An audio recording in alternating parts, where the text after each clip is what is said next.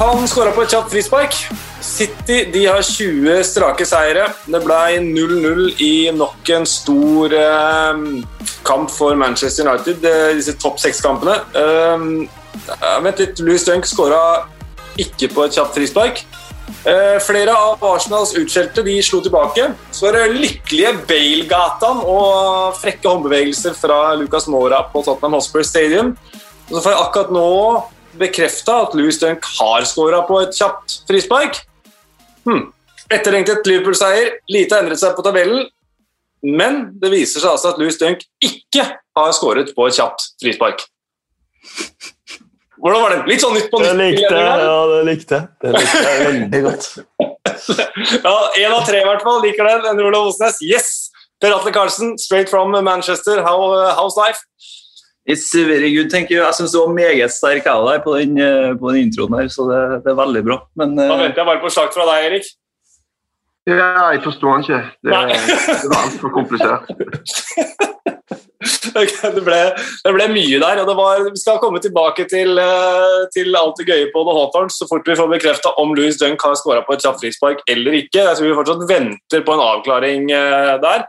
Ehm, men ehm, hvor skal vi starte, gutter? Det, på tabellen så er det en ganske sånn status quo. Det var egentlig bare bevegelse um, Arsenal, tror jeg, som uh, hoppa over Leeds, og Tottenham som gikk forbi Aston Villa på målforskjell. Ellers så, så, er det status quo altså, på tabellen. Kanskje vi skal starte med den, den toppkampen, da. nummer én mot nummer fire. Den første som kickstarta helga, Manchester City mot Westham. Manchester City har altså 20 seire på rad i alle turneringer. Eh, så den eh, rekorden på 16 den fortsetter de bare å hamre løs på. 12 eh, poengs ledelse, har ikke tapt på 27 kamper. De kan egentlig bare fortsette og fortsette og fortsette med alt som er så bra, men er det noe dere la merke til som bør hylles ekstra fra Manchester City eller Westham i denne matchen? Det er jo, det, man ja, Torsvedt, du brenner inne. Kjør på. Nei, vil bare si at De har jo havna i en krangel med Oppda her. da. Fordi de har jo 20 seire før. Men da, eh, for noen få år siden, eh, under Pep, tror jeg, men da hadde de da en seier i Carabo Cup på straffespark inni der. Så spørsmålet er rett og slett, som en må stille seg, er det å vinne på straffesparkkonkurranse en seier? Og som City argumenterer, du kan faktisk vinne et VM. Du får en pokal. Du har vunnet den siste matchen på straffekonk. Så det bør vel regnes som en seier, men Oppda nekter å vike en millimeter. Hvis du ikke vinner etter, på, på vanlig spill, så får du ikke seier. Anyway, eh, det er en akademisk greie, men jeg, jeg tenker jo at eh, jeg, jeg føler jo eh, at det er mange som har et vanskelig forhold til City og eierne og alt dette greiene her, men det er altså en fuckings gave til fotballen å se et så sinnssvakt lag holde på oss. Og jeg kjenner at Når jeg setter meg ned og skal se City, så har jeg bare en forventning om at eh, jeg kommer til å få se utrolig mye flotte greier. Og Det å vinne, det å være ubeseira, det er eh, ikke lett. Det å ikke tape noen kamper. Men det er mye vanskeligere å vinne alle. Det å vippe de der matchene der du vet at det ligger et gnient lag bak der, så kommer det å gjøre det så sabla vanskelig for deg. Du er nødt til å trylle i noen situasjoner for å greie å få de der målene. Altså, det er så sabla bra. Det er aldeles strålende. Jeg er bare rett og slett eh, eh, blir glad av å se når City spiller fotball, og det de holder på med, er sykt imponerende. Da var jeg ferdig for i dag, gutter. kan vi vel konkludere med nå da, at City blir seriemester, eller er det ikke for tidlig å si det? Nei, du, ehm, du, er ikke verdens mest dristige type, hvis du hevder det, tror jeg. Eh, jeg stiller meg 100 bak det. Jeg gidder ikke noe sånn her jeg skal tatovere meg i panna hvis de ikke vinner, men, eh, men, det er det nærmeste jeg kommer et sånn type veddemål. Altså, jeg føler meg ganske sikker på det, jeg òg. Men, men, det er jo litt, eh, litt interessant, da, som Erik er inne på, altså, hvor komplett, hvor komplett det er Manchester City-laget. Når, de ikke har, når det ikke er Gunvan eller Støling eller Mares eller De Bruyne som, som skårer, så har de altså to stoppere som eh, stepper opp der, og, og John Stone som bare banker inn, ser ut som han har spilt spiss i 100 år.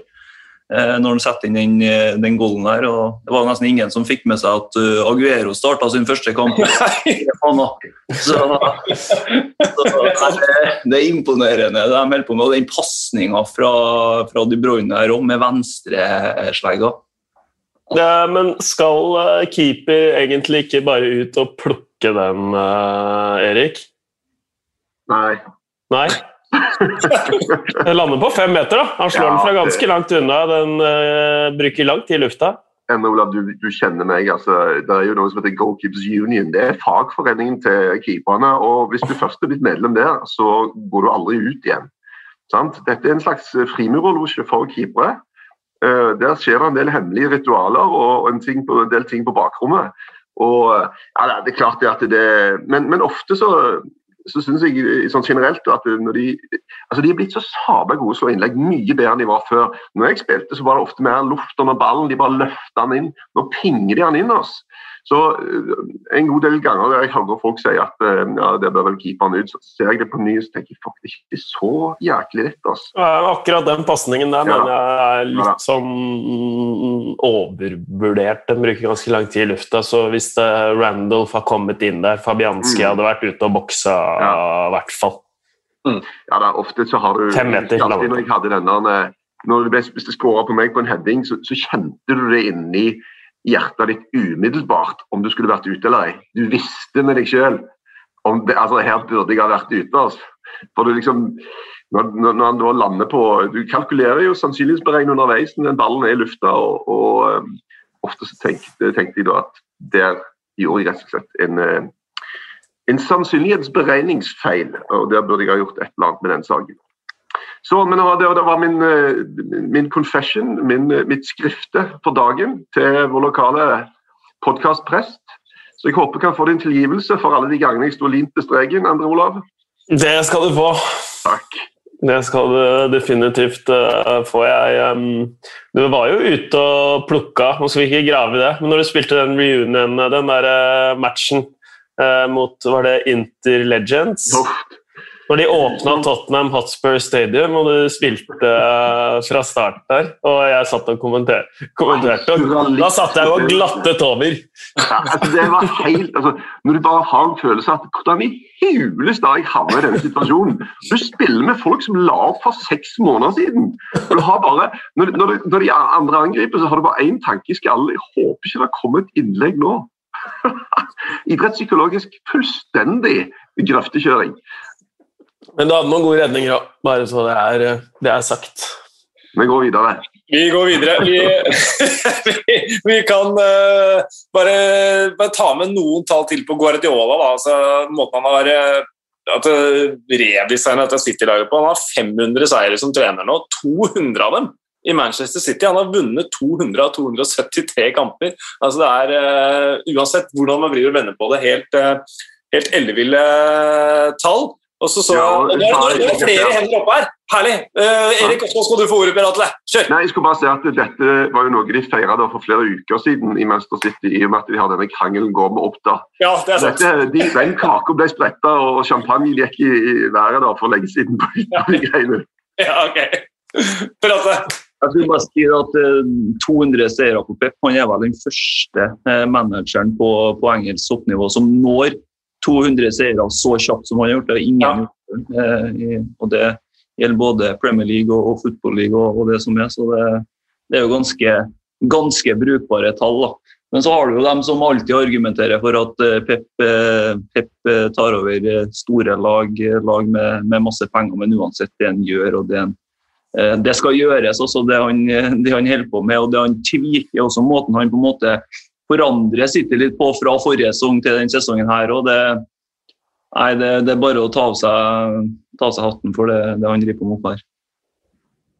Ja, det er jo eh, ja, det er jo som du sier, altså det, er, det, er, vanskelig å vinne fotballkamper. da. Og uansett, uansett nivå så er 20 strake Jeg husker vi hadde en rekke på 10 med Årvoll i fjerde div. Og uansett tenker jeg det var, det var bra.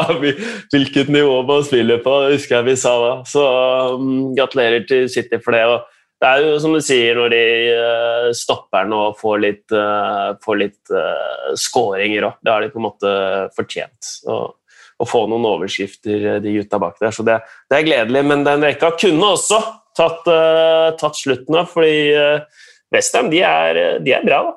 Ja, jeg skulle akkurat si det, fordi de var veldig gode. Moyes var veldig skuffa at de ikke fikk med seg noe fra den kampen. og Det, det har han egentlig grunn til. fordi de, de fortsetter, jeg, jeg, jeg, vet ikke om det er bare noe jeg tar ut av huet nå, men jeg tror de etter den Liverpool-kampen så fikk de litt kritikk for at de var så feige i den. og Etter det så det tror jeg gjorde noe med den kritikken kanskje gjorde noe med Westham-spillerne. At de innså at vi er jo gode. Vi jo trenger jo ikke å være redd for noen. Eh, og De så ikke ut som de var redd for City her heller. og var jo faktisk de første da, som klarte å skåre på City på Etihad siden eh, midten av desember. Så det er noe å ta med seg. Jesse Lingard tilbake i Manchester, veldig god. Eh, det er jo en av de virkelig sånn uh, full Phoenix-historien, er det David Moyes driver med nå. Ja, det er det. Ja, det, det, ja, det er jo det. Og de, det, har jo jo ikke vært noe å si på det heller, hvis, eh, hvis Westham har, eh, har, fått med seg et poeng. Han gjør en meget bra bortekamp, men jeg syns vi skal gi enda mer honnør til, til Jesse Lingard, da, som har fått en helt ny vår i, i Westham. Og ja vel tre skåringer og én assist nå på, på, fem kamper. og Det er vel tre målpoeng mer enn vi hadde på 19 kamper for eh, Manchester United eh, forrige sesong. Så, så det virker som han trives under David Moyes i hvert fall. Uh, vi går til King Power Stadium. Uh, Leicester-Arsenal 1-3. Uh, Tilemanns med en tidlig skåring, da så Arsenal shake ut. Men etter det så var det flere av de som ofte har fått mye kritikk, som tok tak i dette. William med to assist, David Louise med en flott skåring. Skår i gleden var vel Smith Rowe ut, ut, med skade, men bortsett fra det en veldig god ettermiddag for, for Arsenal på, på King Power. Jeg har jo litt sånn uh, amatørenes aften der. Eller altså de gutta som har vært litt uh, Egentlig veldig benka den siste tida, som uh, sto fram og, og, leverte varene der med, med William, uh, PP Lacassette har også vært veldig benka den siste ja. tida. Uh, Cedric uh, kom inn, han er jo tredjevalget på Beck. Og så har du Pablo Marie som var inne som stopper masse endringer, siden de med nød og neppe tok seg videre fra, i Europa League der på torsdag. Så det der så bra ut. Uh, og da, hvis man skal få i gang William og få i gang uh, eh, PP Jeg syns Lacassette var veldig, veldig god. Så begynner det å få mange strenger å spille på der framme. Så hører du om til historien at som du sa, Smith-Roe ble skada. Ødegaard kom inn for han og var syns han var veldig frisk. Han tok for seg å passe godt inn i det laget der. Så det var sterk og litt overraskende sterk seier for, for Arsenal sin del. Ja, Han fikk med seg gode opplevelser fra, fra havnebyen på torsdag. der, eh, Jeg tror de skal tilbake litt også for å møte Olympiakos. Så, så Hellas kan ha vært en liten nøkkel det for, eh, for Arsenal. Litt sol på, på, ryggen. og Det var jo solsynt og sol, solfylt og fint der også. Eh, for Leicester sin del, altså Roger sa etterpå at de har ikke sutra om skader hele sesongen, og det skal han ha, for det har de ikke gjort. Og De har hatt mange skader. Han har ikke tenkt å begynne å sutre om skader nå, men altså Leicester ligger på tredjeplass. og uh, Hvis vi skulle begynne å liste på alle skadene de har hatt, så hadde vi brukt fem-ti minutter ekstra her. Så nå Barnes ut, Madison allerede ute, Evans ut med skade. Så en tung uke, da. På Båre. På ut på Båre med noe som eh, Jeg vet ikke hva det var. Jeg ikke Kneoperasjon. Kneoperasjon, ikke sant. Mm. Så det, det, det syns jeg, jeg synes synd på de der. Og han sa jo før kampstart at vi har jo ikke noe offensiv midtbanespiller her nå. Har jo også Pere seg ut og Madison ute, og så, så ryker Barents òg, så det kan være kritisk eh, med tanke på den topp fire-plassen der for barn. så er, Han har produsert mange mål. Altså, I 2021 så er det vel bare Gondoan og Bruno Fernandes, muligens Madison òg, som har flere mål og målgivende. Så, så, den der er kritisk. Det ryker jeg, altså. Hmm? Jeg sitter Leicester ryker. Tror ikke de greier topp fire, jeg, altså. Det et eller annet med det laget der. Klart de har mye skader nå, men et eller annet der som gjør at de ikke bare er sånn litt usikre. og Jeg tror de laget som kommer bakfra her, kommer til å eh, Jeg tror både Chelsea og Liverpool kommer til å ta det igjen, rett og slett. Mm. Selv om det er jo seks poeng da, mellom Liverpool og, og, og Leicester. Så, men eh, det tar jo ikke vekk noe vekk fra Brennan Rodgers. Han gjør en super jobb uansett. Men akkurat når de fikk folk tilbake fra skade, for de har fått noen tilbake òg, så er det nye som ryker. Mm. Så Du står liksom og stamper litt opp i denne greia hele veien. og Vardi er jo ikke heller har en i disse periodene der ingenting på en måte faller for han. Han får ikke de sånne ballene. og, og Han er jo òg en spiller som ikke bidrar så mye sånn i oppbyggende spill, da, men nå har du veldig mange andre som egentlig skal kunne gjøre det. i men når de blir skada og når Vardi ikke får bakromsballer, så, så begynner det plutselig å se litt stusslig ut. Ja, ja, Silje Svendsen spør har vi sett det beste av Jamie Vardy. Er snus- og Red Bull-dietten i ferd med å miste sin effekt? Ja, vi kan men bare Plutselig så treffer han en sånn gullåre igjen. da. Så kommer han seg bak der, så jeg tror ikke han er ferdig. Men, eh, men det er jo eh, i utgangspunktet et problem for et lag når du har en spiss som egentlig eh, altså han, han skårer mål, men han gjør veldig lite annet. da. Og Det kan jeg fint leve med hvis de greier å spille på hans sterke sider. Men når de ikke gjør det, så og som jeg sier, i tillegg mangler en del av disse andre kreative folka, så, så kan det plutselig begynne å jobbe mot deg. I tillegg til at han skårer jo, som du, som du er inne på, i veldig i rykk og napp. da, Så er det jo lett å avskrive ham, og så er han plutselig fyr og flamme igjen. Så han øh, kjører de målene der inn i, inn i sykluser. Akkurat nå er han øh, off. Mm. Det er Burnley, Brighton og Sheffield United i de tre neste for uh, Leicester, så da bør det være muligheter til å skåre mål, men kanskje ikke, kanskje ikke, de kampbildene som vil passe Jamie Vardy best heller. Vi får, vi får, uh, vi får se om Rogers gutter kommer seg opp på hesten igjen. Det, det, haster litt, for de kommer halsende bakfra. Et av de lagene som ligger bak, uh, er jo Chelsea. 0-0 mot Manchester United. Ja, det går jo som det ofte gjør når Manchester United spiller mot de såkalte topp seks-lagene. Det blir 0-0 og ganske sjansefattig. Du var på Stamford Bridge, Per Atle. Hva var ditt inntrykk av matchen fra tribuneplass? Nei, Det er litt samme inntrykket som har sittet igjen med de andre kampene Manchester United har spilt mot de antatt topp seks-lagene.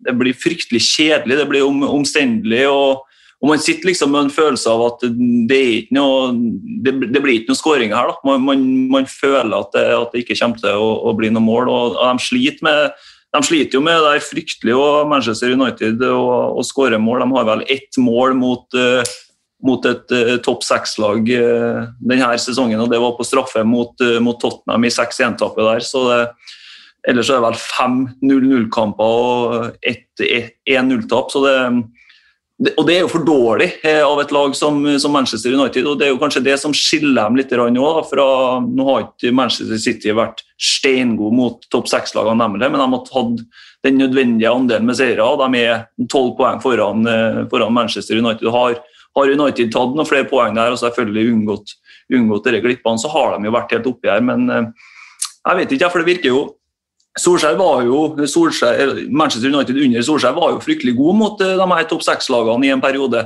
Men nå har de blitt eh, enda bedre mot de lagene de, de, skal være bedre enn. Så jeg vet ikke om det er noe som på en måte har blitt, blitt ofra her i, i, søken etter endring, eller, eller hva, som er, hva, som er, årsaken. Men, men, godt nok er det i hvert fall ikke. og Det var jo også Solskjær ganske klar på, på etter kampen og når jeg snakka med ham, at, at det, det, er ikke bra nok, og det, det er noe vi må, må jobbe med.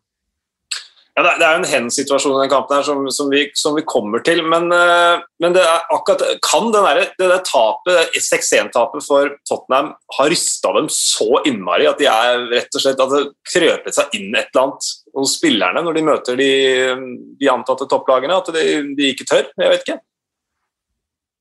Jeg sitter, jeg sitter med det inntrykk at de uh de, eh, I starten, når de møtte de under Solskjær, så hadde de, hadde de ikke balt så mye. Altså, de kjørte mye mer rendyrka på kontringer, men nå skal de gå utpå der og være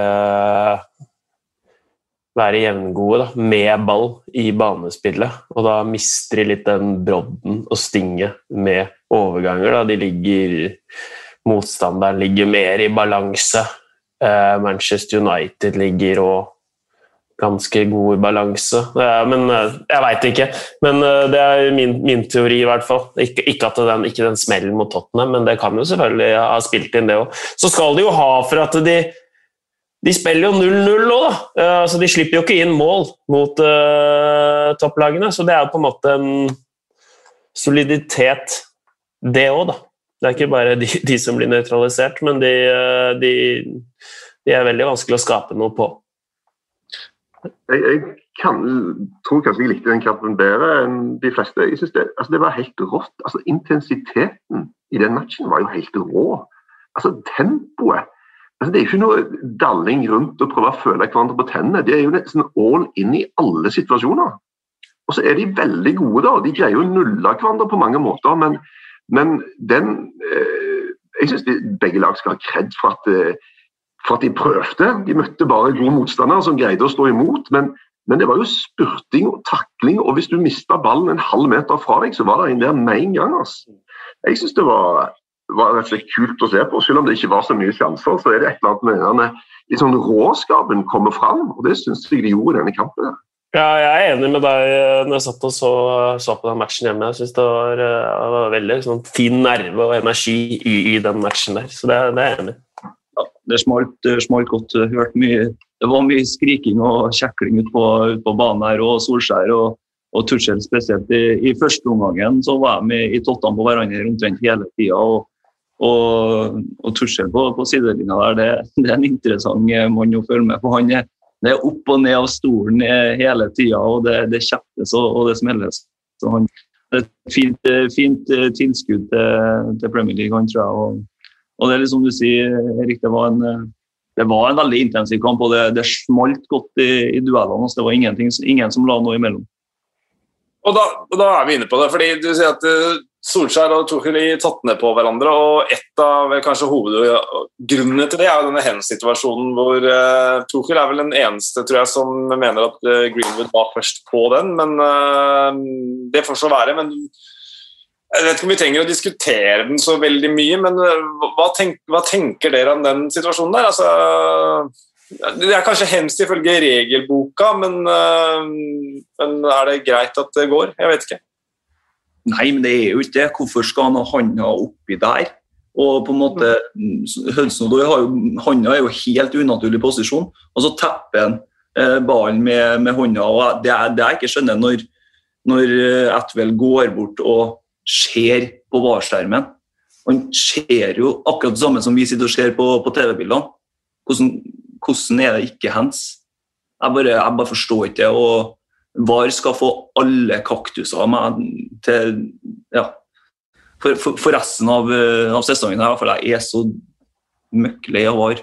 Jeg kan skjønne at det ikke blåser, opp, for de river liksom og sliter litt i hverandre. Og så er Mason Greenwood oppå med skulderen. og Jeg syns ikke den er så Ut fra de stillbildene, hvis de fryser bildene, så, så, er det greit å se, men, men, det skal man jo liksom ikke gjøre heller, så Jeg mener den eh, kan være grei å gå, men bare for å gi deg litt støtte Per Atle, så er det jo veldig uberegnelig, da. Mm. Hva ja. som er straff her, og hva som, hva som, ikke er det. Det er liksom ikke noe godt å vite i det hele tatt. Så, og det har jo ikke VAR klart å lande på heller, så det er mulig det er straffe, men jeg, jeg skjønner at den går også. Men, men hvorfor skal han ha handa oppi der? Altså, Fordi de river liksom og sliter i hverandre, så det er kamp om ball. Altså, det er jo ikke for å nå den med armen, det er jo fordi de er en skulder mot skulder. Men det er mulig jeg faller litt igjennom her. Mulig at jeg tapte denne debatten. Nei, det er ikke, det er ikke noe sang, i hvert fall. ja. Kan, kan, du, Erik? Eh, jeg, jeg mener jo begynner heller helle mot at hands bør være lov. Ja. Mitt innspill, da. Så slipper vi alt det der. Ja, det man med hånda, ja, men det er greit. men altså eh, Luke Shaw, jeg vet ikke om dere fikk med dere intervjuet med han etter kampen. Han sa jo at han hørte Stuart Atwell si til Maguire at hvis jeg blåser straff, straffe nå, så blir det så mye eh, prat om det etterpå og kontroverser så skal vi på en måte Da blir det ord mot ord og sånt, men eh, hvis det stemmer, så, så sier jo det litt om hvor, hvor, det, hvor, mye dommerne merker det presset her òg, da. Uh, tenker jeg. Ja, men kan, det kan jo jeg tipper, Det er litt sånn tatt ut av kontekst, og det kommer liksom fra en andre part som tolker og legger det på bordet, men uh, jeg mener jo jeg, jeg kan kjøpe hvis han sier det er for kontroversielt Ja, å dømme ja. straffa. Liksom. Jeg ser at den er borte på armen der, men, men det er for kontroversielt, da. Mm. Det gir jo mening. Ja, det gir mening. Så jeg bare skal veie litt United gikk vel ut og, og sa i ettertid at, at Luke Shaw ikke hadde hørt det han hadde hørt. Ok, ja, da kan du se. Men eh, Solskjær var jo forbanna på, på Chelsea, da, som på en måte har satt i gang den debatten her litt, litt før eh, kampen òg, med å skrive om eh, Harry Maguire og, og var, hans VAR-påvirkning på, på sine hjemmesider. Så han mener jo at det er noe som, som påvirker dommerne. Og, og hvem vet, kanskje, kanskje les, plukker dommerne opp noe av det der, og så i underbevisstheten så, så på en måte tenker de på det. Om det er sånn, det er jo umulig å si, selvfølgelig, men ja. Ja, men Har Solskjær noen grunn til å ha den eh, skyttergravmentaliteten, da? Er det alle mot uh, United? Det var jo back in the day, jeg når de vant alt, så var det jo en supp- supporterskare som het anything but United, men sånn er det ikke nødvendigvis lenger. Men, eh, men har han et poeng? Sånn som dere ser det? ikke alle, står ikke alle klubbene for seg sjøl. Ikke på måte alle mot alle. Altså, altså, altså, jeg tenker jo at Hvis jeg har vært i en, en, en fotballklubb, uansett om jeg har vært spiller eller trener, så har jeg kommet til å gjort alt for at mitt lag skal vinne. Om det er å liksom påvirke, prøve å påvirke litt mentalt før kamp, eller å sparke folk litt på hælene under kamp. Det, du, du gjør jo det du, det du kan for å vinne. og Hvis, hvis det her er noe som, som påvirker eh, Manchester United, noe de blir forbanna for, noe som kanskje påvirker dommerne, så har jo, så har jo Chelsea gjort et poeng ut av det. Da har de jo plutselig fått gev- gevinst for, det, at de, for at de gjorde det, selv om Solskjær kanskje mener at det er litt, litt på kanten. Mm.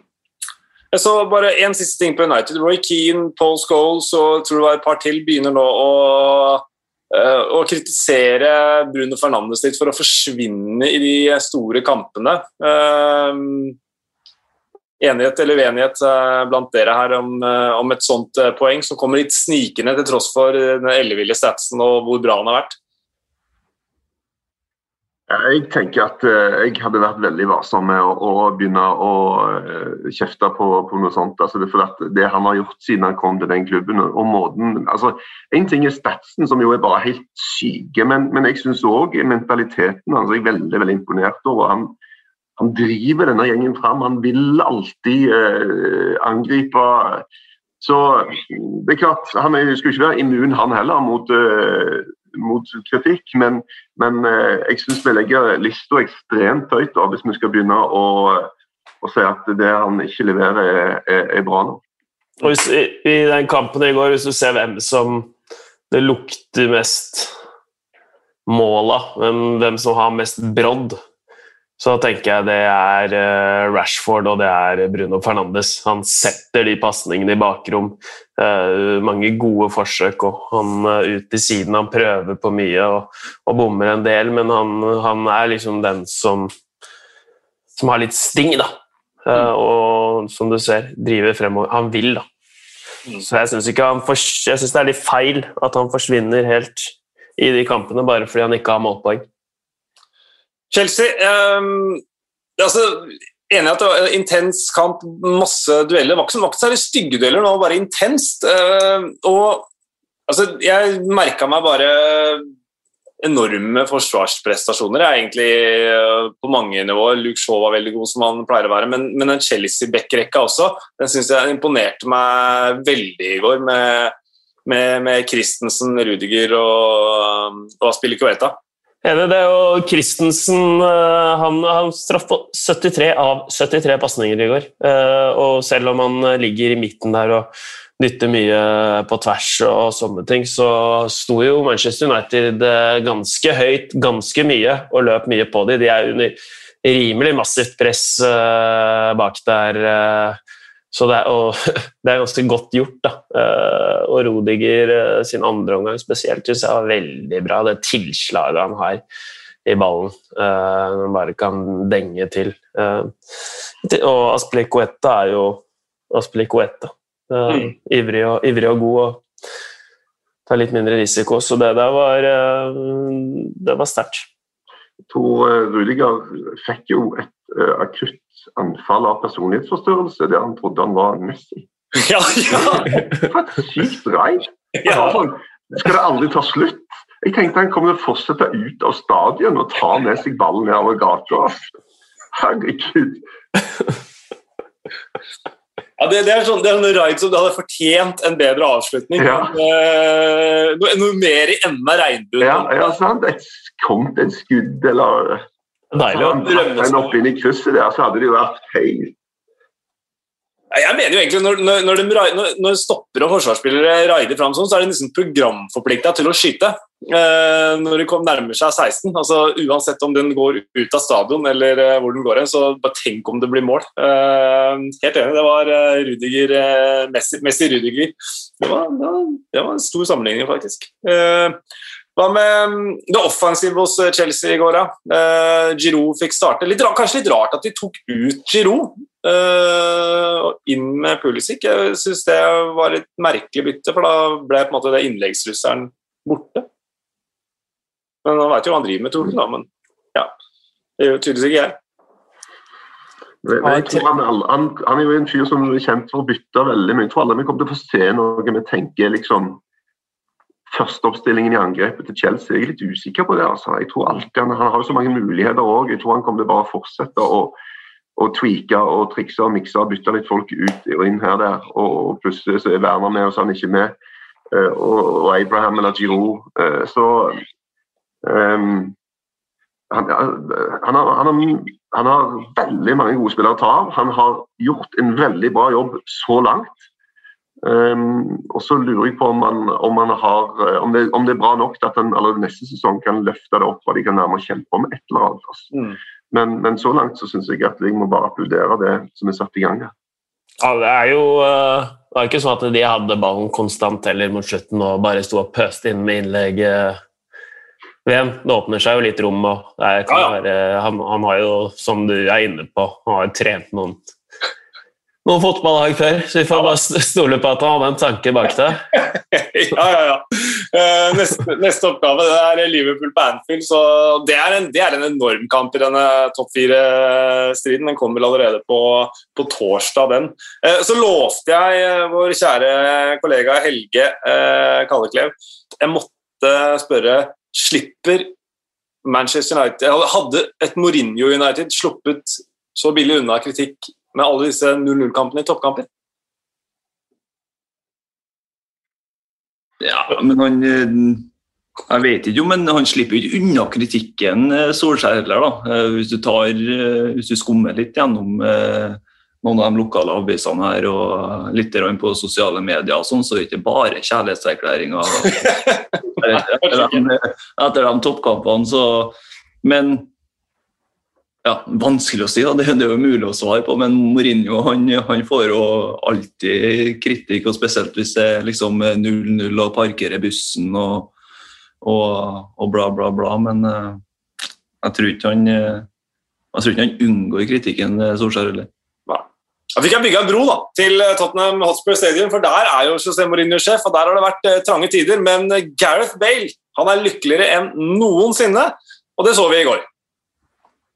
Sprudler han, da. Han eh, hadde det skikkelig moro i garderoben og, og i, eh, i laget og har vært glad helt siden han, helt siden han eh, kom. Så deilig å se at han, han fortsatt er en stor profil. Jeg skjønte ikke helt det Mourinho sa. at sa etter matchen at uh, vi trenger ikke han som var her for seks år siden, for han hadde vært i Real Madrid. Ja. Men, men dette holder, virka, virka det som. At uh, han her trenger vi. Ja.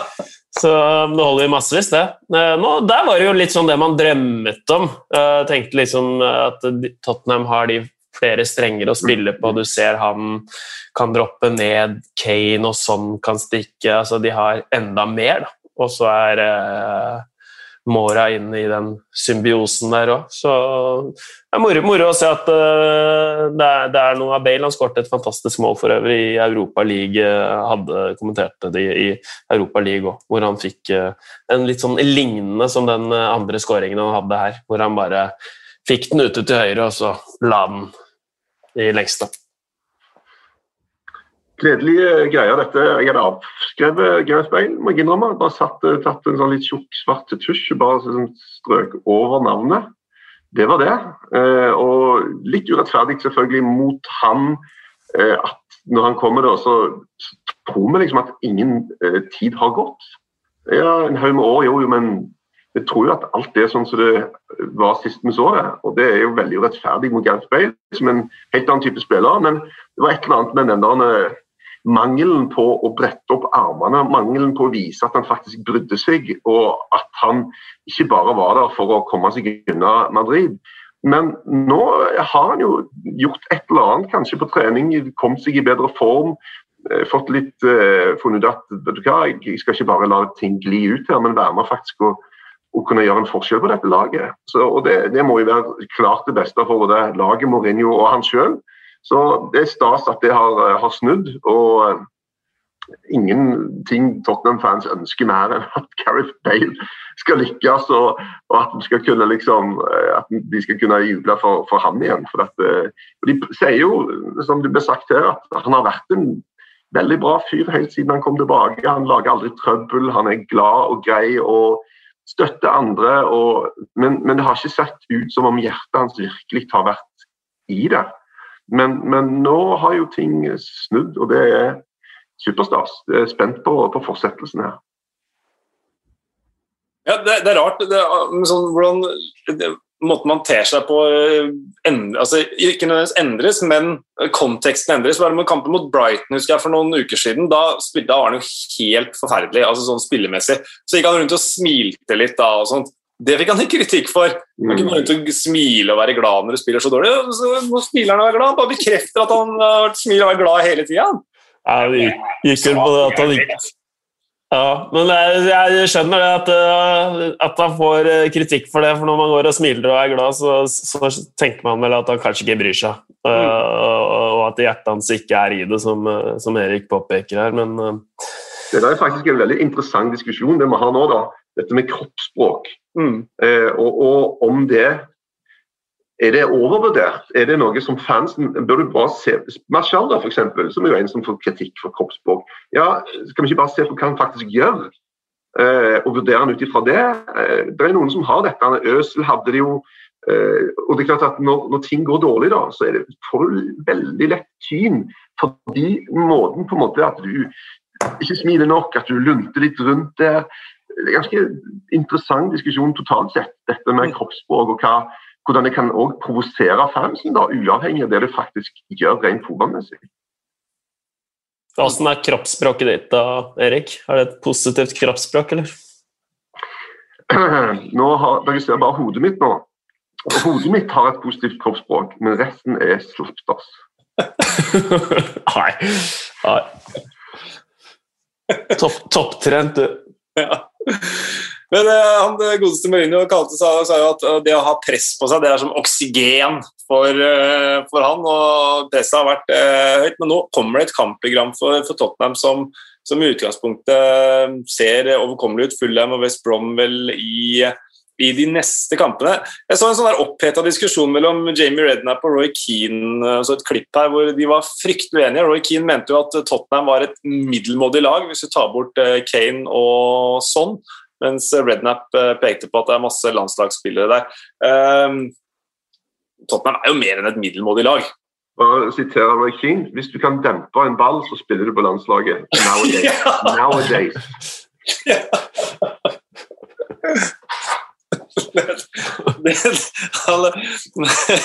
Nei, jeg, jeg, kan ikke dempe meg. Altså, jeg kunne heller kunne ikke vært på landslaget, men uh, ja, det er sant. Altså. Det, men altså, Tottenham er jo mer enn et middelmådig lag, er det ikke det? Altså, de, de skal forventes å være der oppe. Det er enormt styrt av, av resultater. da. Hvis, ja. hvis, du vinner, så har du en veldig bra tropp. og Hvis du taper, så må du ha fem nye spillere. Mm.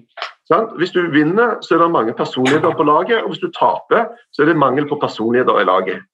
Altså, det er, og det er klart at Tottenham har jo en bra tropp. Det er jo ikke så veldig annerledes eh, som fra når de var i, Champions League-finalen. Er det det, da? Nei, det er jo ikke det.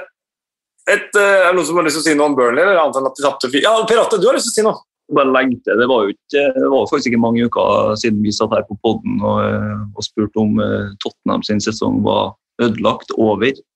Men altså så tett som det er oppe i toppen her, Og så har nå Tottenham bare seks poeng opp da, til, til fjerdeplassen og, og, Champions League. og med uh, hva, hvor mange kamper har vi igjen nå? Det er 12 ja, ja, og det er én kamp mindre spilt. Ja, og det, ja, ikke sant. Og de, de har seks poeng opp til én kamp mindre spilt, som du sier. så det, det er liv, eh, det er liv oppe i toppen her. Altså, det er mange som skal være med og kjempe om de eh, Champions League-plassene. og Tottenham er ikke ute av den matchen. Nå har de eh, fått, fått igjen Bale òg, som vi har vært inne på. Det er kanskje sola som, som, har gjort det, for det har vært sol i England de siste ukene. Både i, i London og Manchester. Kanskje han får vett litt ut og triksa litt med golfballer eller et eller annet, men det ser i hvert fall bra ut.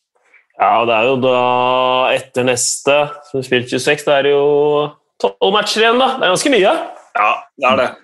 Uh, og vi, det er noen uker siden nå, men uh, da begravde vi egentlig nedrykksstriden. Men den er jo åpen, og Burnley er nede i uh, det røret der. men så er det sånn med Burnley, de klarer seg jo alltid. Eller? Ja, jeg tipper de gjør det. altså. De har jo denne evnen. Det går litt sånn litt rart lag. Det er kult at vi har Burnley, synes jeg. For at, uh, vi trenger litt sånn annerledes lag. Uh, alle kan ikke være Man City, liksom. Så det er bra. Jeg er sikker på at de, de fikser det igjen. Men det, de går litt i rykk og napp, og det går litt på energinivå, tenker jeg. De har en spillestil som gjør at når alle er på hogget, når alle presser samtidig, når de greier å skape et sånn trøkk offensivt, da er de gode, da vinner de kamper. men de skal ikke ramle mange prosent før det rett og slett er for dårlige fotballspillere mm. på det laget. da. Så De trenger denne kollektive kraften rett og slett for å, for å fikse det, men det tror jeg jo de gjør igjen. Mm. Jeg skal ikke skryte på meg og kjenne liksom The Burnley Way og hele historien til Burnley sånn gjennomgående, men, men akkurat sånn som for meg så fremstår Burnley som en sånn frisk pust i den forstand at det ikke virker som det er fans som forventer at de skal spille fantastisk fotball, for det har de gjort historisk. Eh, de er hva de er. Eh, sammenligna med en del andre klubber som feiler, og så ansetter de Sam Allardyce for å redde det, og så er det feil at de ansetter han, eh, fordi det er ikke sånn de skal spille, det er ikke sånn de skal være. så Det gjør at i hvert fall jeg har et litt ekstra hjerte for at eh, Burnley og Sean Dyche skal klare seg. Ikke sagt det. Et lag som ikke klarer seg, det har jo, nå var jo Chris Wilder nå sa han jo at uh, vi må forberede oss på championship-fotball. og Det han da ikke sa han om uh, at uh, Jeg glemte å si hvem som scora på Tottenham Hotspur Stadium. Kan dere si det, gjenta det for meg? Det ble 4-0. Bale ganger to, Harry Kane og Lucas Mora. Ja, Lucas Mora. Og bare med Lucas Mora kjapt, da. Unnskyld til alle Sheffield United-fans at jeg går tilbake til Lucas Mora, men han var ikke helt i synk på de feiringene. Vet ikke om du la merke til det? Jo. vi er jo så barnslige at vi syns sånt er litt kult. Ja, ja, ja. Så det skal ikke så mye til før vi gleder oss og ha-ha for en gjeng. Ja, det var gøy. Og Bale som bare rista på hodet og bare Nei, det her får du ikke til. Uh, ja, Sheffield United. Uh, ikke uh, altså De forbereder seg på championship-fotball. og Wilder var veldig tydelig på at det handla ikke om at de hadde gitt opp, men at det var innså realitetene. At nå handla det om å ta med seg eh, fighting spirit og momentum ned i championship for å så komme opp igjen. og Det virker som en veldig sunn holdning å ha når du ligger i bånn med 11 poeng og 15 poeng eh, opp til streken. Det er, det er jo, løpet er jo kjørt der nå. Ja, de er jo helt på stålet med skader og bak der. Eh, ja. Og kan si at Liverpool uh, sliter på stopperplass, men eh, det i hvert fall det Sheffield United-laget der. og ja, Jagielka han eh, begynner, jo, han eh, begynner jo å gå mot slutten av karrieren for å si det òg. Så det er jo ikke det er, det er, et lag som ikke bare har de skader, men de taper jo mye med ett mål, og de har jo ikke marginer. og Det er vel var vel den siste spikeren da i uh, championship-kista uh, som ble slått inn der. Ja. Mens Liverpool de, nå, de hadde fire strake tap altså før den her, og nå kom de seg opp på vinnerhesten igjen, Per Atle.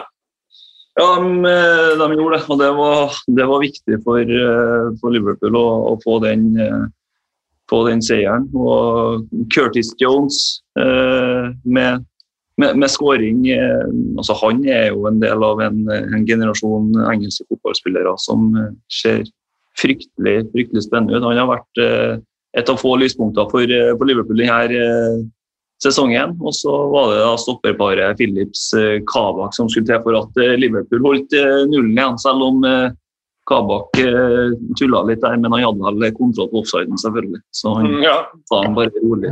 han var iskald der. Så, men det jeg skulle si eh, før vi kom inn på Liverpool jeg, tror, eh, eller jeg frykter at eh, Sheffield United skal få det tøft med å komme seg tilbake til, til Premier League med det første. Jeg tror de kommer til å miste fryktelig mange spillere når de, når de går ned. Det er mange som ikke kommer til å bli med dem ned i, i championship, tror jeg. Sander Berge er nok én av dem. Mm. Så det skal bli spennende å, å se hvor lang tid det tar før vi får se Sheffield United på, på det øverste nivået igjen. For det, det frykter jeg kan bli lenge, men jeg håper jeg jinxer meg sjøl, så vi får dem fort opp igjen. Hvor lang tid tar det før vi får se Liverpool i topp fire igjen, da? Fire- Fire-fem runder, så er Ja. jeg vel oppe igjen. Da fikk vi fasit på det. Det er deilig. Jeg, jeg tror jo, tror jo Jeg tror i hvert fall at Liverpool eh, kommer til å, kommer til å slå tilbake. De er bare de er to poeng bak, eh, bak Westham, seks poeng bak Leicester. Eh, kommer til å få tilbake de spillere som kommer tilbake fra skade nå. Diego Jota han var jo med på, på spillerhotellet før kamp, men ble syk, så han, han kommer til å være klar. Og så, og så um, har du eh, Keita som var tilbake, tilbake på banen. Eh, Så alt, eh, alle monner drar. Fabinho nærmer seg. Eh, Så jeg tror, tror Liverpool eh, kommer til å, å komme, komme igjen. Jeg tror de eh, må være å regne med i den, den topp topp fire-kampen der. og Det overrasker meg ikke om de er, om de er helt oppi her om ja, noen runder bare. Det er jo veldig, den Matchen på torsdag er jo en virkelig høydere da, og betyr jo mye. De ligger jo rett på siden av hverandre, disse to lagene, Liverpool og Chelsea. og Skulle Chelsea stikke av gårde med en, en, eh, en borteseier der, så er det jo plutselig eh, litt luft mellom de to lagene. Og Da kan det bli vanskelig å ta det igjen. Men det er liksom West Ham og Leicester. Du tenker at eh, Liverpool de eh, ja, for, Er de litt tilbake sånn, i noenlunde der vi vet det de kan, så skal de faktisk hente det inn. altså. Jeg kan, jeg kan ikke se på meg at Liverpool taper fem hjemmekamper på rad. Så eh, jeg tror, jeg, tror, eh, jeg tror Chelsea skal få det, få det tøft, eh, tøft på Anfield på, på torsdag. Det, Men du har dere svakhetene på, på hva skjer på midtstopperplass, liksom. Hva, det der er jo fortsatt eh, et svært spørsmålstegn. altså. ja, det, det er det absolutt. Men uh, kanskje får de tilbake Fabinho. Det trenger de mot, eh, mot uh, Chelsea å ha en, ha en leder bak. Det er ikke sikkert Philips og, og Kabak eh, holder mot, eh, holder mot den gjengen der. Men eh, ja, det har vært et eh, sår for dem denne sesongen. her, Det, det stopperproblemet. og det, det er jo ikke bare det at eh, det påvirker backrekka, men det, det får følgefeil over hele, hele linja. Mister midtbanespillerne sine, mister kreativ kraft, mister miste kontrapresset. Eh, eller mye av det, i hvert fall. Eh, så det, der har jo vært sånn følgefeil på følgefeil for, eh, for Liverpool. Men eh, ja, jeg, jeg sitter med en følelse i hvert fall at, eh, at, eh, at det kanskje er i ferd med å snu, snu litt. Eller. Og Curtis Jones og et selvmål av Keane Bryan som avgjorde den kampen 2-0 til, til Liverpool. Um, Artig poeng nå, Espen, at Liverpool er andre laget i, i engelsk, eller på det øverste nivået i engelsk fotball som har nådd eh, 7000 skåringer. Det er kun Everton som har skåra mer, med 7108. Så da vet dere det.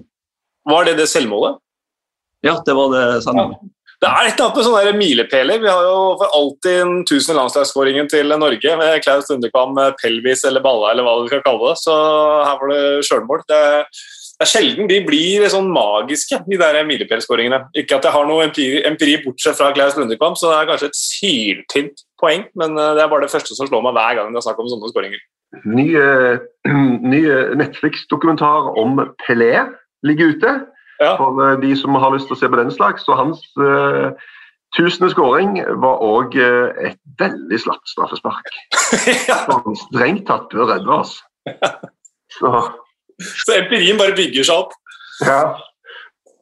Så skal vi til eh, det store spørsmålet som vi fortsatt sikkert kommer til å vente på svar på om en, eh, et år eller to, er om Louis Dunk sitt frispark har blitt godkjent eller ikke. For altså West Bromwich-Brighton-kampen altså Sam Allardyce han er ikke den lystigste, men han bare lo han etter kampen. Og han sa uh, Ja, jeg bare ler jeg over den bisarre kampen her. Eh, og det er mye som er bisart her. Uh, men den, jeg vet ikke om fikk dere med dere den situasjonen med Louis Dunk? ja. For de, som, for de som ikke har fått det med seg, da, Kyle Bartley ble matchvinner i den kampen. her, Det burde han kanskje ikke blitt for Louis Dunk. Spør Lee Mason om han kan ta et kjapt frispark. Uh, Lee Mason blåser i fløyta. Louis Dunk skyter. Ballen går i mål, men, Louis, men Lee Mason, altså dommeren, har da blåst en gang til. I, omtrent idet ballen forlater foten til Louis Dunk. Så godkjenner, altså Først annullerer han målet, og så godkjenner han det. Og så får han beskjed om å gå til VAR for å sjekke dette, her, og da blir det konkludert med at han blåste i fløyta en gang til før ballen hadde passert eh, målstreken, og dermed så måtte det annulleres, for når han blåser i fløyta, så stoppes spillet. Uh, Mens Johnston da sto og fiksa muren. ja, han sto og fiksa muren, så Lee Mason fikk kanskje panikk uh, over det, men det, det er som det var vel Jermaine Janet som, som sa det, at eh, man har jo ansvar sjøl for å være klar. Eh, det er ikke noen regel mot å, å, å benytte seg av at motstanderen sover i timen. Eh, så, Det er jo en gentleman's agreement at, eh, mellom dommer og keeper her, at keeper skal få lov å sette opp muren når, eh, når han sprayer opp. Og, altså, man skal kunne sette i gang, man tar jo kjappe frispark og corner over hele banen, men akkurat på frispark i den skuddsektoren der, så skal de spraye opp muren, og da skal jo keeper få lov å, få lov å sette opp uh, mur. Så, så det, han gjør bare en feil. Uh, Lee Mason for han dolker Ja. jo ke- keeperen i ryggen. Og så Ja. retter han opp egentlig egen feil, spør du meg. Eh, selv om han kanskje må finne en annen jeg, jeg, Det som undrer meg her, det må jeg si um, Når man er så imot filming og det å lure dommerne Hvorfor Altså, det er et fair play-element her, da. Hvorfor er ikke det oppe Hvorfor skal Louis Dunk stå og si han er så embarrassed når han prøver å lure dommeren, når det er en agreement at keeper skal kunne sette opp mur? Jeg syns det er eh, Der er det plutselig lov å lure dommeren, da. Og få Lee Mason til å se dum ut. Jeg syns synd på Lee Mason i den situasjonen. Han gjør en feil. Han blir, eh, blir på en måte satt opp av Dunk, eh, selv om han veit at eh, det skal være en sånn, så prøver han å lure Lee Mason. Um, og er det greit mot keeperen, liksom? Skal ikke keeperen få lov å sette opp mur i den greia? Det irriterer meg i hvert fall at uh, fair play-elementet her ikke er diskutert engang, men det er kanskje bare så innarbeida at det er lov å ta kjappe frispark. Jeg har lært denne gentleman's agreementen mellom dommer og keeper. må jeg innrømme. Du har ikke det? Nei, aldri. Altså jeg, nei, hvis jeg skulle stå med mål på et frispark, så var det to ting. Enten så måtte en utespiller dirigere muren fra murposisjon, der han sjøl sto og stilte opp, eller så måtte en stå og stille seg foran ballen, så de ikke kunne ta et kjapt frispark. Jeg tror aldri sjansen på å gå bort med stolpen og, stå og dirigere mens ballen lå klar. Men det er jo mange keepere som står og dirigerer eh, muren. Det er jo ingen dommere som set, setter i gang eh, på den måten. Eh, ja, men, men eh, du kan jo aldri være helt sikker. da. Jeg skal jo innrømme at eh, dette er jo et veldig rart og et sånt uh, spes tilfelle. Eh, men Kanskje det er ikke så rørende.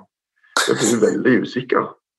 Jeg ble litt usikker ja, når du sitter Ja. tidligere Premier For at League det- landslagskeeper og sier han aldri Ja. har hørt på Gentlemen's gentleman's agreement Nei, altså, jeg har aldri snakket dommer om dette her, eller aldri, aldri liksom eh, Og så er jo av og til òg, liksom Skal det alltid blåses en gang til? Sant? Det, skal det det, eller? Skal det skal, ikke- det blåses? skal ikke blåses to ganger. Nei? Nei, og der, der rører han jo, så, så han prøver jo bare å rette opp egen feil. At han setter Ja. i gang for tidlig. Ja. Og dette er jo dommeren som for kun kort tid siden ble hudfletta av Nuno Espirito Santo og, og sagt at han holder rett og slett ikke nivået i Premier League. Så jeg syns jo litt synd på han da. Mm. For at det, du, det, det er så mange du tenker at fotballreglene greier, greie, dommerne vet hva de har å forholde seg til, men det er sabla mange sånne små greier som du kan, situasjoner du kan plutselig havne oppi. da. Mm. Så tenker du hvordan i huleste greide jeg å rote meg inn i denne situasjonen? Men det skjer, da. Sant? Uh, og, og ja, Men jeg, jeg tenker jo at Louis Dunk det er jo ikke unfair, Hvis dommeren har blåst, det er jo ikke unfair av han å ta et kjapt frispark. Nei, men jeg er usportslig. Jeg ble jo veldig nysgjerrig på situasjonen der, så jeg hørte med en, en dommerkonsulent, da, Geir Åge Holen her, han mente at en dommer kan ikke først vise med fløyta at de skal vente, og sette i gang når keeper står ved stolpen og dirigerer muren. Ja, han, han viste ved, ved fløyta at han skal vente i situasjonen? Han? Ja, Han sendte det rett etter oppstått situasjonen, så øh, jeg er litt forvirra. Men det er jo klart at når han står og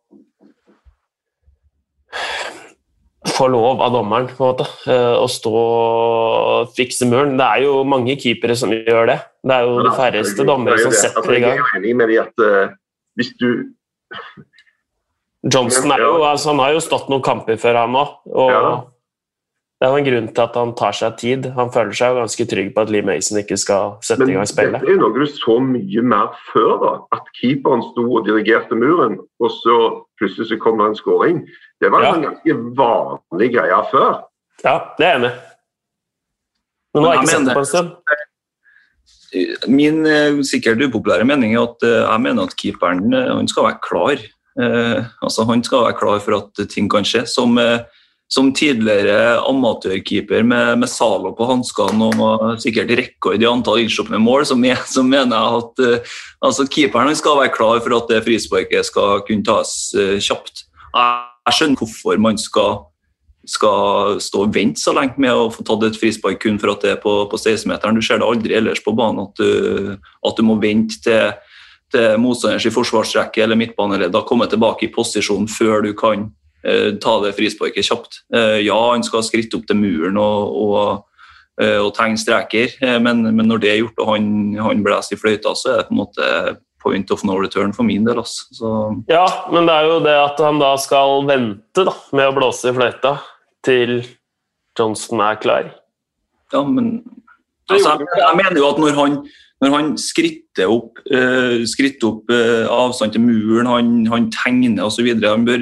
Johnson bør, eller alle keepere bør klare å bruke den tida på å, å bli klar.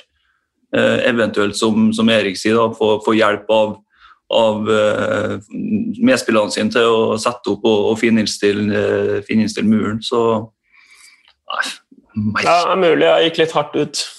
At eh, de sover litt i timen her. Men det er jo ikke tvil om at Mason Han gjør jo en feil når han blåser i gang og lar de få ta det. Når, når Kepi står ved stanga. Det ser du jo på hele han. At det her Ja, ja. Jeg driter meg ut. Jeg har eh, gitt bort et, et mål. Men han har, hatt, han har ikke hatt et eh, sånn kjempegodt år. Han, eh, han Lee, Lee Mason han, han hadde vel en varesituasjon mellom eh, Sout- Southampton og Aston Villa Matti Cash som hensa ikke, og han ikke blåste blåst straffespark. og så var det en VAR-dommer som ba Mike Dean ta titten på, på Jan Bednarek-situasjonen, som fikk han utvist mot, eh, mot United. og så så viste han ut uh, Sursek for, for voldelig oppførsel uh, mot, uh, mot Fulla. Så um, han har hatt sine, sine episoder.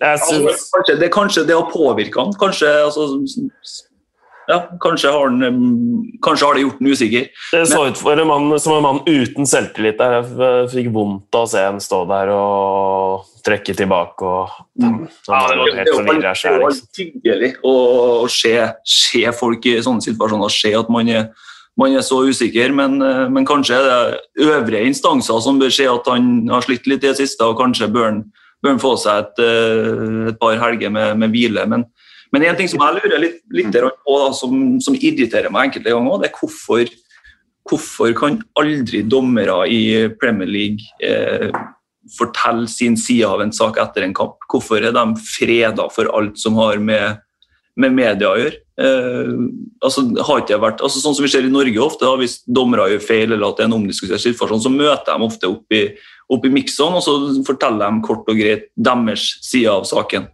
Hvorfor kan det aldri skje i, i Premier League? Det fortalte vel Mark Clattenburg også at det får de ikke lov til, rett og slett. Ja, men hvorfor skal ikke de få hvorfor Nei, det er- Hva, Jeg, tror det hadde vært en ekstra belastning for dommerne. Altså først, at Det er alltid masse greier og mye kritikk, og så skal de liksom stå litt sånn skolerett for media i tillegg etterpå. Det tror jeg blir oppfattet av dommerne ikke som en anledning til å få forklart seg, men rett og slett bare at det blir en ekstra belastning. Altså. Jeg tror de er veldig glad for å slippe det. Men, men er ikke dommerne en del av spillet på, på samme måte som, som spillere og trenere, som også skolerett og forklare eh, feil, taktiske feilvalg, sjølmål, selvmål, eh, feil osv.? Jo, det, er, det ingen av spillerne som stiller opp hvis de ikke de må. Altså, Hvis ikke en spiller vil stille opp, så gjør han ikke. Nei, men, men trenere da, som Ja, må, opp. Må stille opp etter kamp. Ikke alltid, da. Det er noen ganger de bare stikker av. av. Det har gjerne du merka, Du. Selvfølgelig, Men poenget mitt er at de er jo en, er jo en del av, av spillet. og når altså Jeg skjønner i hvert fall ikke at det blir en ekstra belastning. Du, det er jo det yrket du har valgt. da.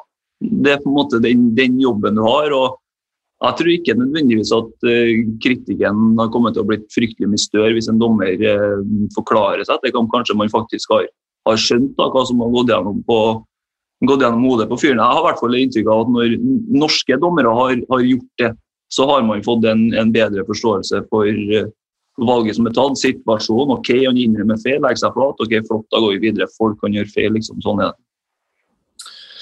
Det som endte enden på visa, da, ble i hvert fall uh, tre poeng til, uh, til West Bromwich. Og, Det ble ikke mål. hæ? Det ble ikke mål. Det ble ikke mål, nei. nei, nei, nei. vi har fått, fått bekrefta nå. eh, Det kunne blitt mål, da, ja, ja, ja, i kunne- matchen. Ja, det kunne blitt mål, fordi Brighton altså eh, bomma to straffespark. Ett til tverrleggeren fra Pascal Grås, ett til stanga fra Danny Welbeck. Eh, vi snakka litt før vi begynte her, eh, Erik. Du er jo eh, min go to guy og manges go to guy på XG. Eh, Brighton de hadde, 60, de hadde hatt 66 avslutninger de, på de tre siste kampene og skåra ett mål. Ja, altså, Brighton er jo et lag som vi vet eh, ikke får som eh, fortjent som regel. De, de skårer ikke nok mål ut ifra de sjansene de skaper. Men de tre siste kampene har jo vært helt syke. De har, altså, de har vært så mye Brighton at det går ikke an å være nær Brighton. Altså, det er helt vilt. Altså, de, de taper da eh, 2-1 mot Palace når de har en XG på 2,51 versus 0,23. Altså, de bare bombarderer jo med skudd, skudd og jeg, og jeg tenker at eh, hva, hva gjør du da hvis du er Graham Potter? Altså, hva, du, hva skal du gjøre? Hva skal du rent fysisk gjøre som trener når du får laget ditt til å spille veldig bra? Du får dem til å skape sjanser, men de roter det bare til igjen og igjen. Er det et eller annet, må de, må de tweake så de ikke får så gjerne færre skudd, færre blokkeringer for motstandere med litt større skudd. Ja, men hvordan gjør vi det?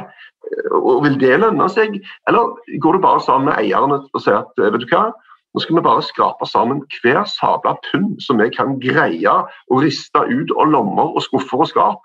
Og så skal vi bare kjøpe en spiss som vi vet er bra. Ferdig med den saken. For Hvis de hadde hatt én fyr som var en natural born goalscorer i det laget der, så hadde jo den tabellsituasjonen vært en helt annen. Altså Det er nesten så enkelt med det laget. der. Eller skulle du bare holdt, beholdt Glenn Murray? Ja. Ja. jeg vet ikke.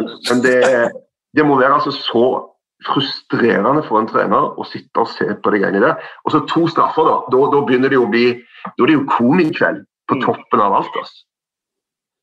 Og da er det altså bare tre poeng ned til full Fulham. For West Bromwich sin del så er det skal vi se her, en mente ni poeng opp. Eh, De har vunnet fem De fem siste hjemmeseierne i Premier League har kommet under fem forskjellige managere. Den er litt fin. Yes. Hvilke managere da, gutter? Wow.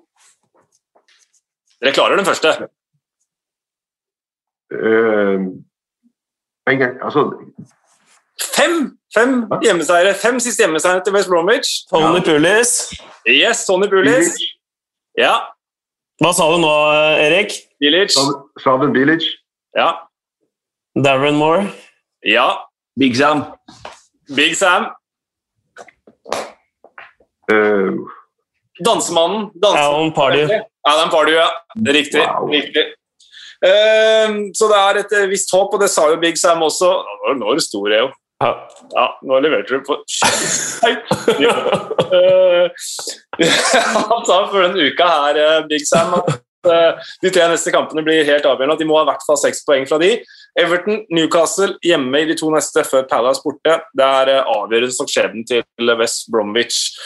Eh, vi har faktisk tre kamper til å snakke om. Palace Fulham, er det noen som vil si noe annet enn at det endte 0-0 og at Fulham burde vunnet? Ja, jeg kan si en ting da, som eh, Ja. eh, med den statistikken til Erik. og sånn, Palace har altså tatt uh, fire poeng på de siste to kampene, og de har seks avslutninger på de siste to kampene. Hvem da? Crystal Palace. Ja.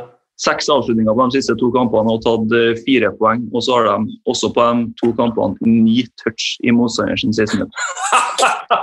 det er så lite, det.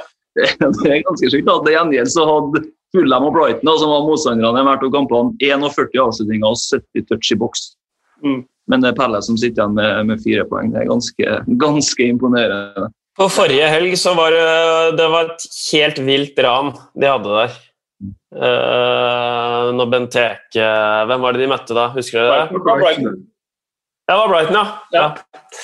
ja for den kommenterte jeg, så det var jo helt vilt. Uh, at de, ja. Ja, moro med kontraster da, og vendinger, og at uh, expected goals eh, også kan være unexpected goals, eh, Erik. Ja, det Men det er jo eh, Det er, gøy å se at altså Det er jo en av grunnene til at fotball er så populært, er at det du får ikke alltid som fortjent. Det er litt sånn som i livet ellers. Mm. Mange folk som har uflaks, de kan kjenne seg igjen i dette her. Ja. De, de føler at Brighton det er the story of my life. Roy Hodgson han var, han var litt fet etter kampen. Bare 0-0. Det var det beste vi kunne håpet på i dag. Når vi møter Fulham hjemme.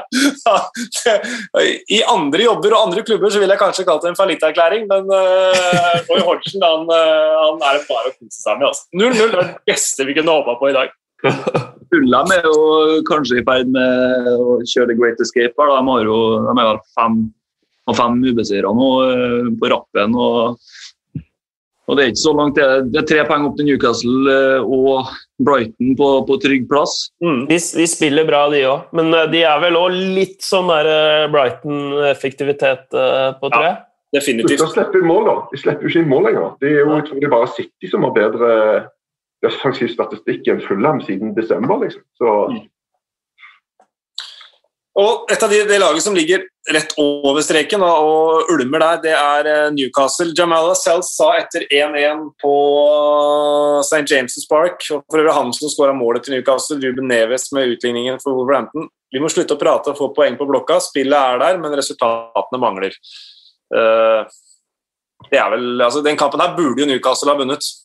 Ja, nå, nå har de jo begynt å spille litt bedre, da. Ja, de har det. Men eh, resultatene uteblir. Men de har jo spilt bedre fordi, eh, fordi St. Saint Maxima er eh, tilbake i laget, som en av, en av årsakene. Det har jo vært litt sånn Steve Bruce uh, parkerer litt bussen, og så, og så håpe Det ser i hvert fall litt sånn ut, da. Eh, håpe at noe skjer med Almiron, Saint Maxima, de, de gutta foran der. Nå måtte jo han ut med skade. Ja, Det så, det så ut som fire-fem uker, den lysken der. Altså, Ja.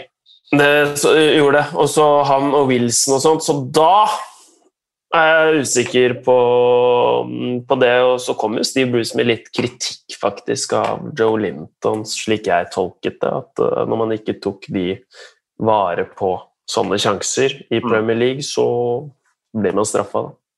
Men nå er vel både St. Maximin, Wilson og Almiron alle de er ute.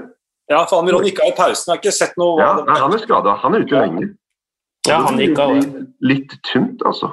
Ja. Og selv om det er kanskje en match de burde vunnet, altså det er en situasjon der på overtid med Dubravka altså, som redder, som er bare mirakel, altså. At de ikke taper den matchen på den situasjonen der. da. Så, Men Erik, keeper. Martin Dubravka, helt eller syndebukk i denne kampen? Eh, jeg vil ofte si det at fordi at en keeper nesten redder, så betyr ikke at han burde ha redda. Ofte er det sånn at hvis du får en hånd på han, men han går inn likevel, så sier folk at ja, det var dårlig. Hvis du bare hadde stått og sett på ballen som gikk inn, så hadde folk sagt at han var sjanseløs. Men jeg må innrømme at akkurat den situasjonen der syns jeg at Dubravka hadde nok på. da. Det, han var der. Det handler bare om posisjonen av hånda. da.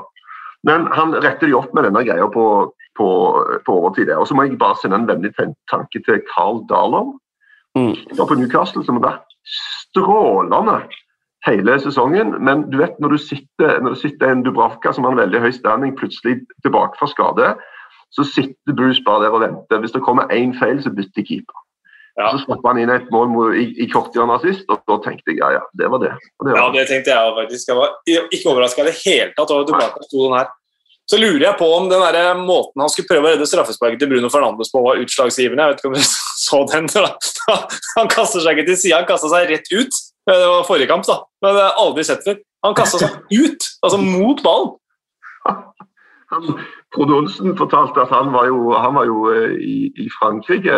Var vel i Sevilla først, og så var han vel i klubb i Frankrike. og Han hadde en keepertrener som alltid ville han skulle gå mot ballen uansett. Så det han forbandt med keepertrening i Frankrike, det var begrepet avance. avance! Alltid mot ballen, uansett.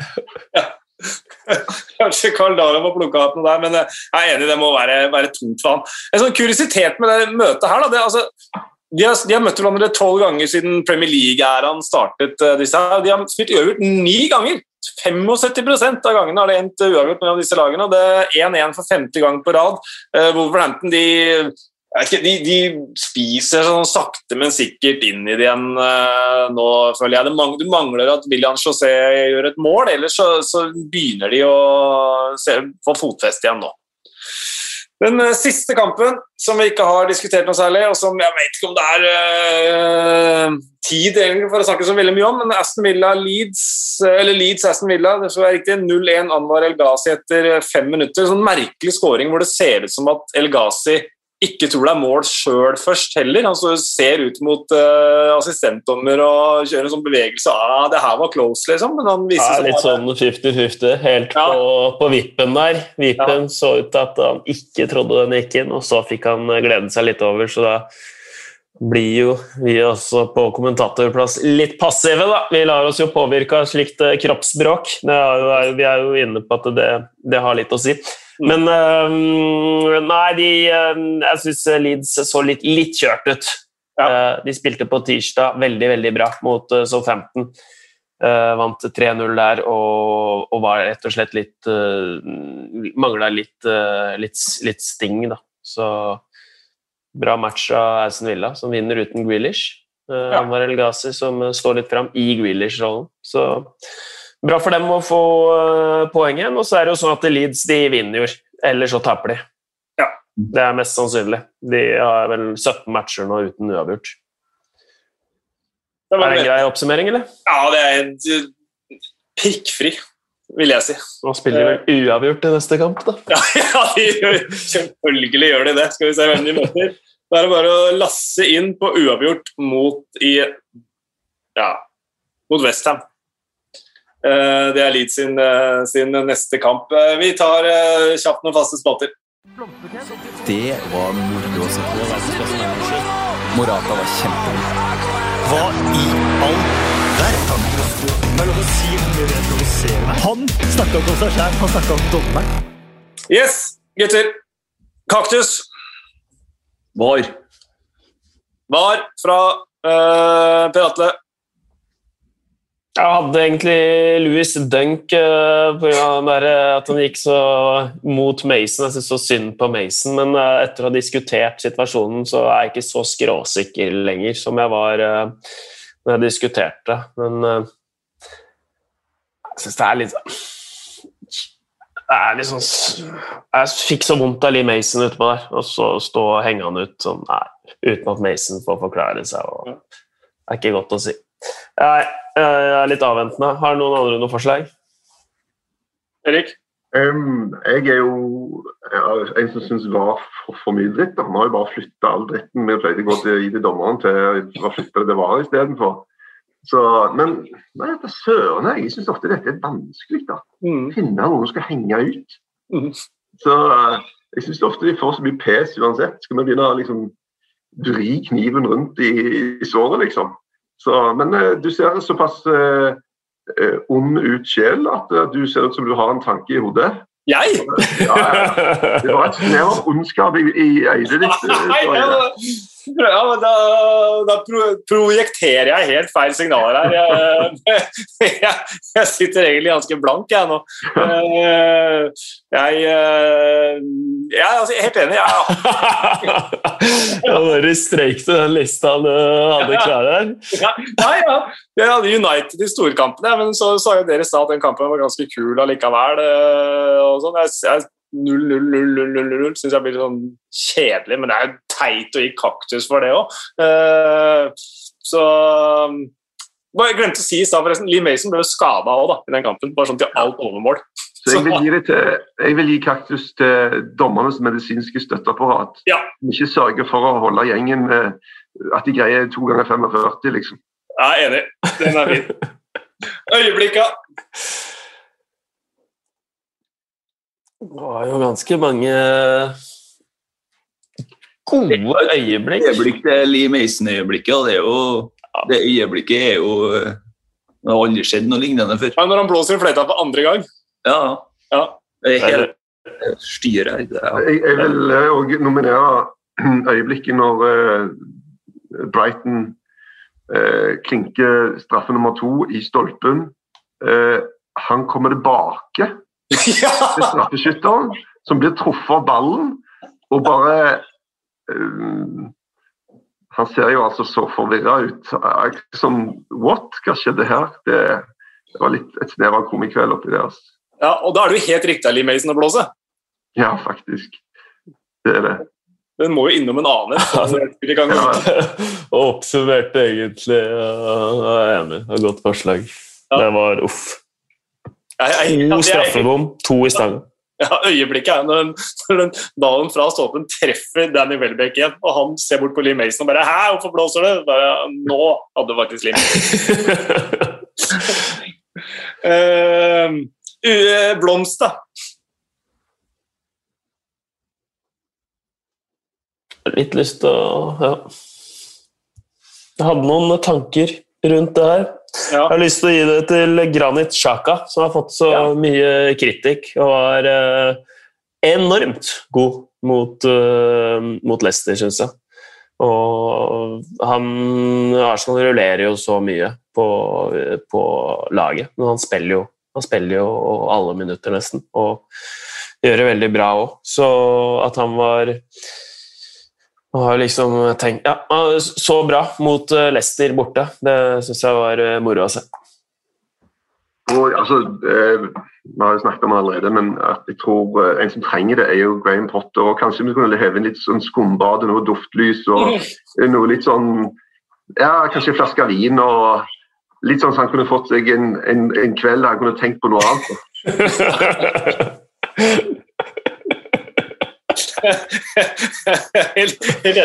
Han, så, han så så bare apatisk ut også. bare «Æ, Skjer det her igjen? Altså, Stakkars mann. Man ser jo så snill ut. Ja, det er det. Tenk- å liksom organisere et lag til å skape så mye sjanser, og så er det bare frustrerende. Spørs om det hjelper med blomster. Per Atle, har du noen eh, blomsterkvaster? Jeg hadde skrevet ned Jesse Lingard og Gareth Bale. da. Eh, Ja. Lingard fordi han har fått så mye dritt eh, siste, ja, siste tida, egentlig. Men nå ser han ut som en fotballspiller. Han, og, og Gareth Bale litt sånn Ukjente helten. Da kan jeg nominere Anders Christensen. Han er jo ikke ukjent på noen som helst måte, men uh, han stjeler sjelden overskriften, og jeg syns han hadde fortjent noen overskrifter etter det han leverte mot Manchester United. Bra forslag, det. Kyle Bartley, ja. Oppe og stanger inn igjen. Han uh, Ja, kanskje og ikke, ukjent. full støtte! Full støtte til Lee Mason. Brilliant ref. Ja, han sa det? Ja, ja, ja, ja. Han var kjempebra dømt, og han gjorde, kom helt riktig avgjørelse. og Brilliant ref. Ja, han sa det, ja. Det trenger Lee Mason. Det trenger Lee Mason òg. Han trenger noen som meier på ham, han òg. Ja, Kyle Bartley er helt ned i din gate i dag. eh, Jo. Ja. Han blir- han blir- Ja. Bare hive inn en, eh, en eh, dansk midtstopper til, da. Joakim Andersen. eh, Ja. Som går litt under radaren. Men siden han kom og begynte å spille for Fulham, eh, så går det jo nesten ikke inn mål. og Han har faktisk ganske mye av æren. Han har vært veldig, veldig bra. Mm. Men det blir Kyle Bartley. Ja, ja. Det er Ja. Det gjør det. ja, stort.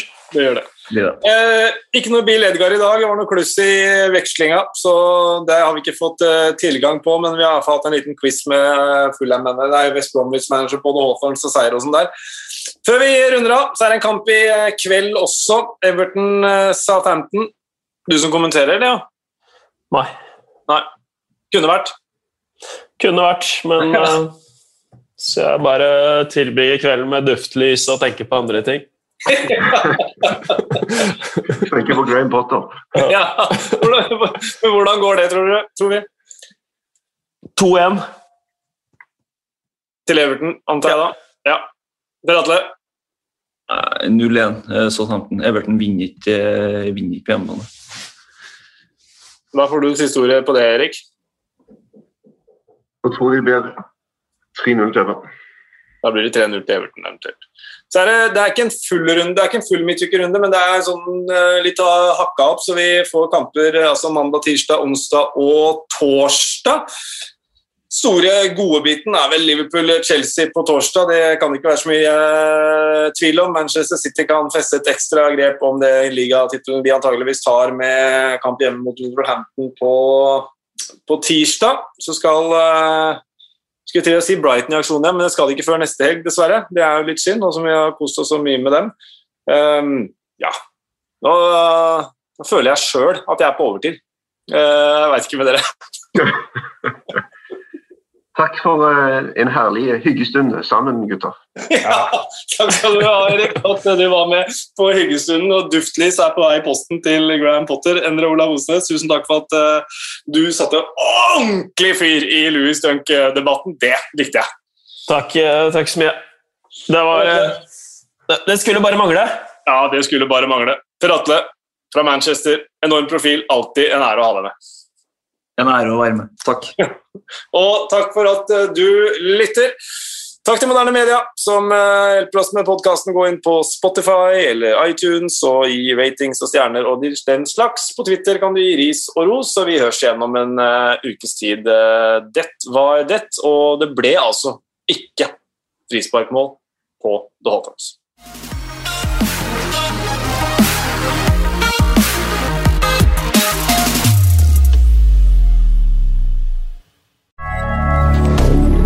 Moderne media.